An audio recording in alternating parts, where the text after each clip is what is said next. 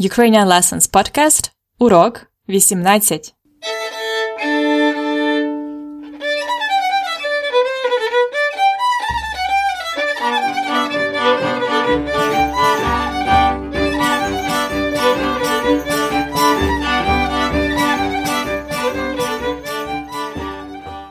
Привіт-привіт! Мене звати Анна. Я ваша вчителька української.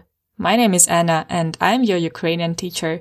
If you are new to the Ukrainian Lessons podcast, all you have to know is that this is a series of basic conversational Ukrainian language for beginners. Each episode I record a dialogue for you in Ukraine. You listen to it and then we look closer at the main points from the dialogue like vocabulary, grammar, phrases you have to use in particular situations. We practice a bit and learn some more facts about Ukraine. There are no rules for learning. You can listen to the podcast in your car or in a bus and then at home, you can also read the lesson notes to get the details and to learn all the words.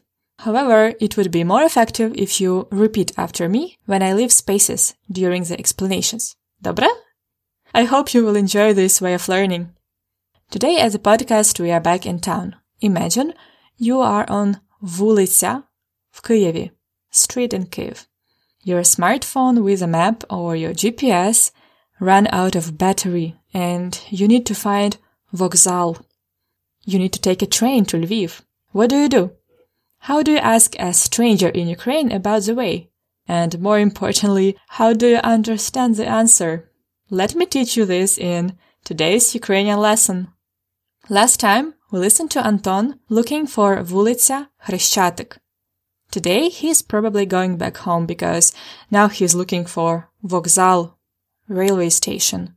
Vokzal. Listen to our conversation twice.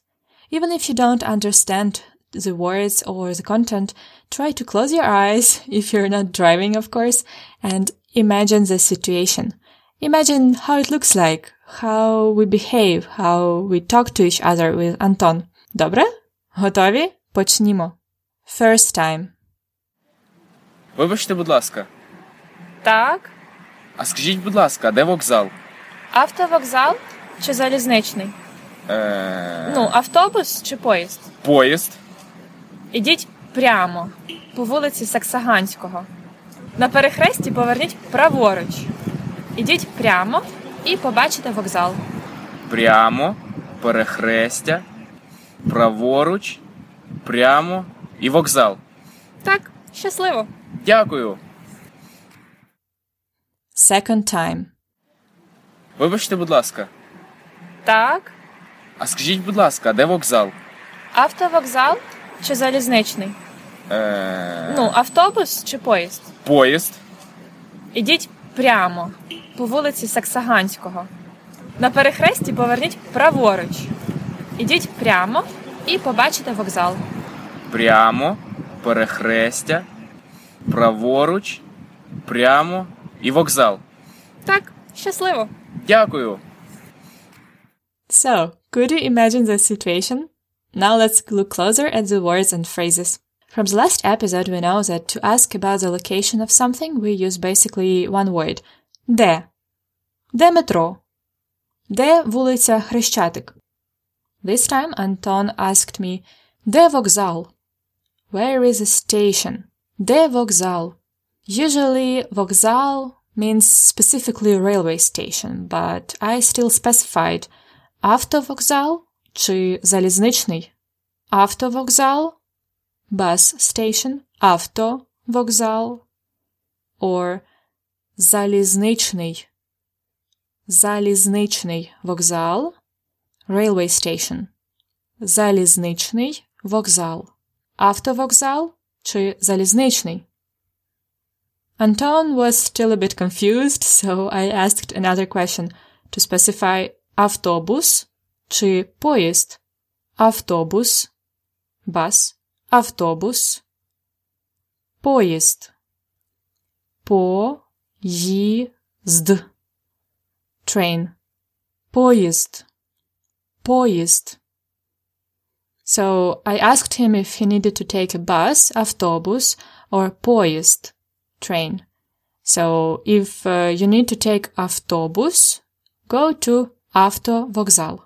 if you need to take поїзд, go to залізничний вокзал. Anton needed поїзд, so he needed залізничний вокзал. And I gave him my directions. Let's learn them. You need to know basically three words. Прямо. Straight. Прямо.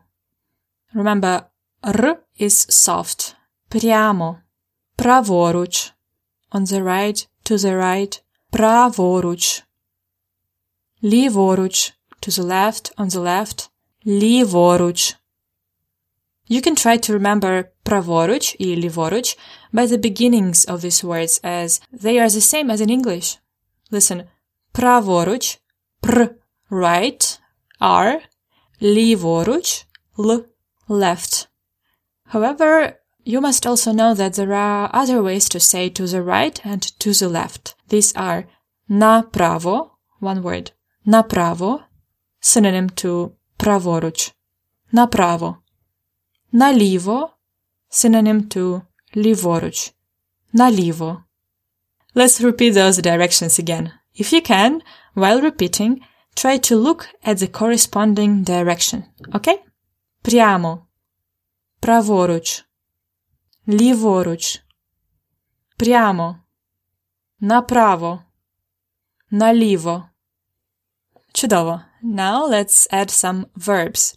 The basic one is іти. Іти is to go. The imperative of іти is ідіть. Go. Ідіть. This is formal. For the person you don't know, that, that you don't know who you see on the street. Or if you address to many people, you say ідіть. The informal one is іди. І-де-и. Іди. So, ідіть прямо. Іди прямо.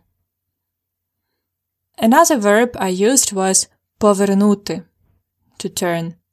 The imperative formal is поверніть. Поверніть. The informal one is поверни. Поверни. Поверніть праворуч. Поверніть ліворуч. Поверни направо. Поверни наліво.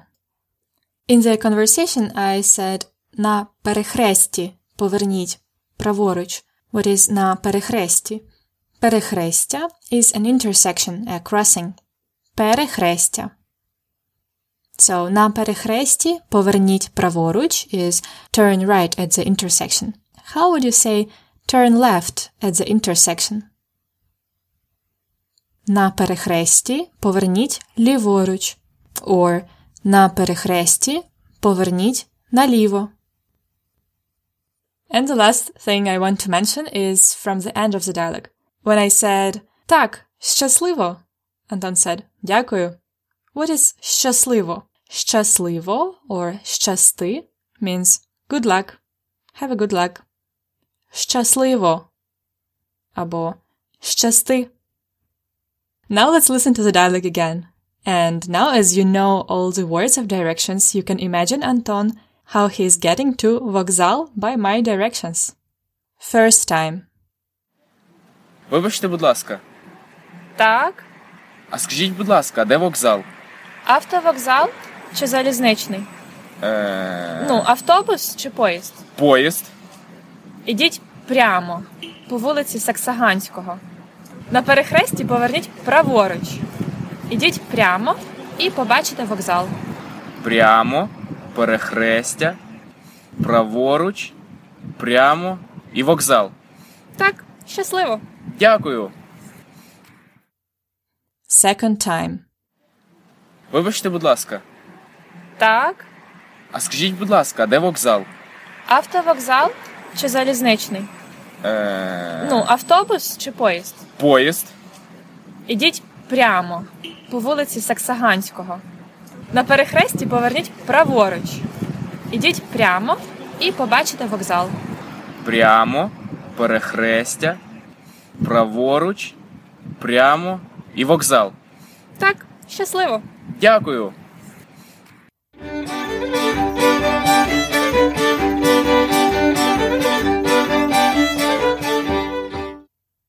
Now some practice. Today's exercise could be a physical exercise for you. I will give you the directions and you step прямо, праворуч, or ліворуч, as I say. If it's not possible, you can draw lines прямо, направо, or наліво in your notebook or just by the finger in the air. And in the worst case, you can simply translate what I say to your language. Let's try it. 1. Ідіть прямо, потім поверніть направо. Straight, then right. 2. Поверніть ліворуч, ідіть прямо, поверніть праворуч. Left, straight, right. 3. Ідіть прямо. Поверніть наліво. Ідіть прямо. Знову поверніть наліво. Ідіть прямо. Поверніть направо.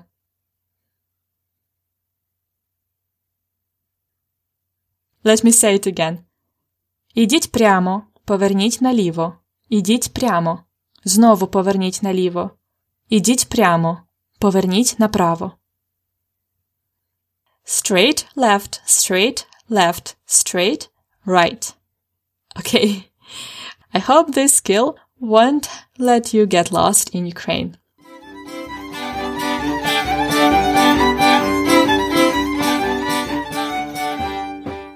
A small cultural fact at Ukrainian Lessons podcast. Most of towns and cities in Ukraine have залізничний вокзал, railway station. Поїзди, trains, are very popular means of transportation in Ukraine, so вокзал is an important hub. There is special culture. Usually the neighborhood around Vokzal is considered to be a little dangerous, where the bad boys tend to hang around. But don't worry, it's usually quite safe. Big Vokzali are open 24 hours and you can find lots of ser- services there like cafes, shops, exchange office, lost and found, cloakroom, sometimes rooms to sleep. Near Vokzal, usually there is rynok, market, that is often called Vokzalny. I think this is one of the must-do experience in Ukraine. Take a train in Ukraine and visit a couple of Vokzali. Come and try!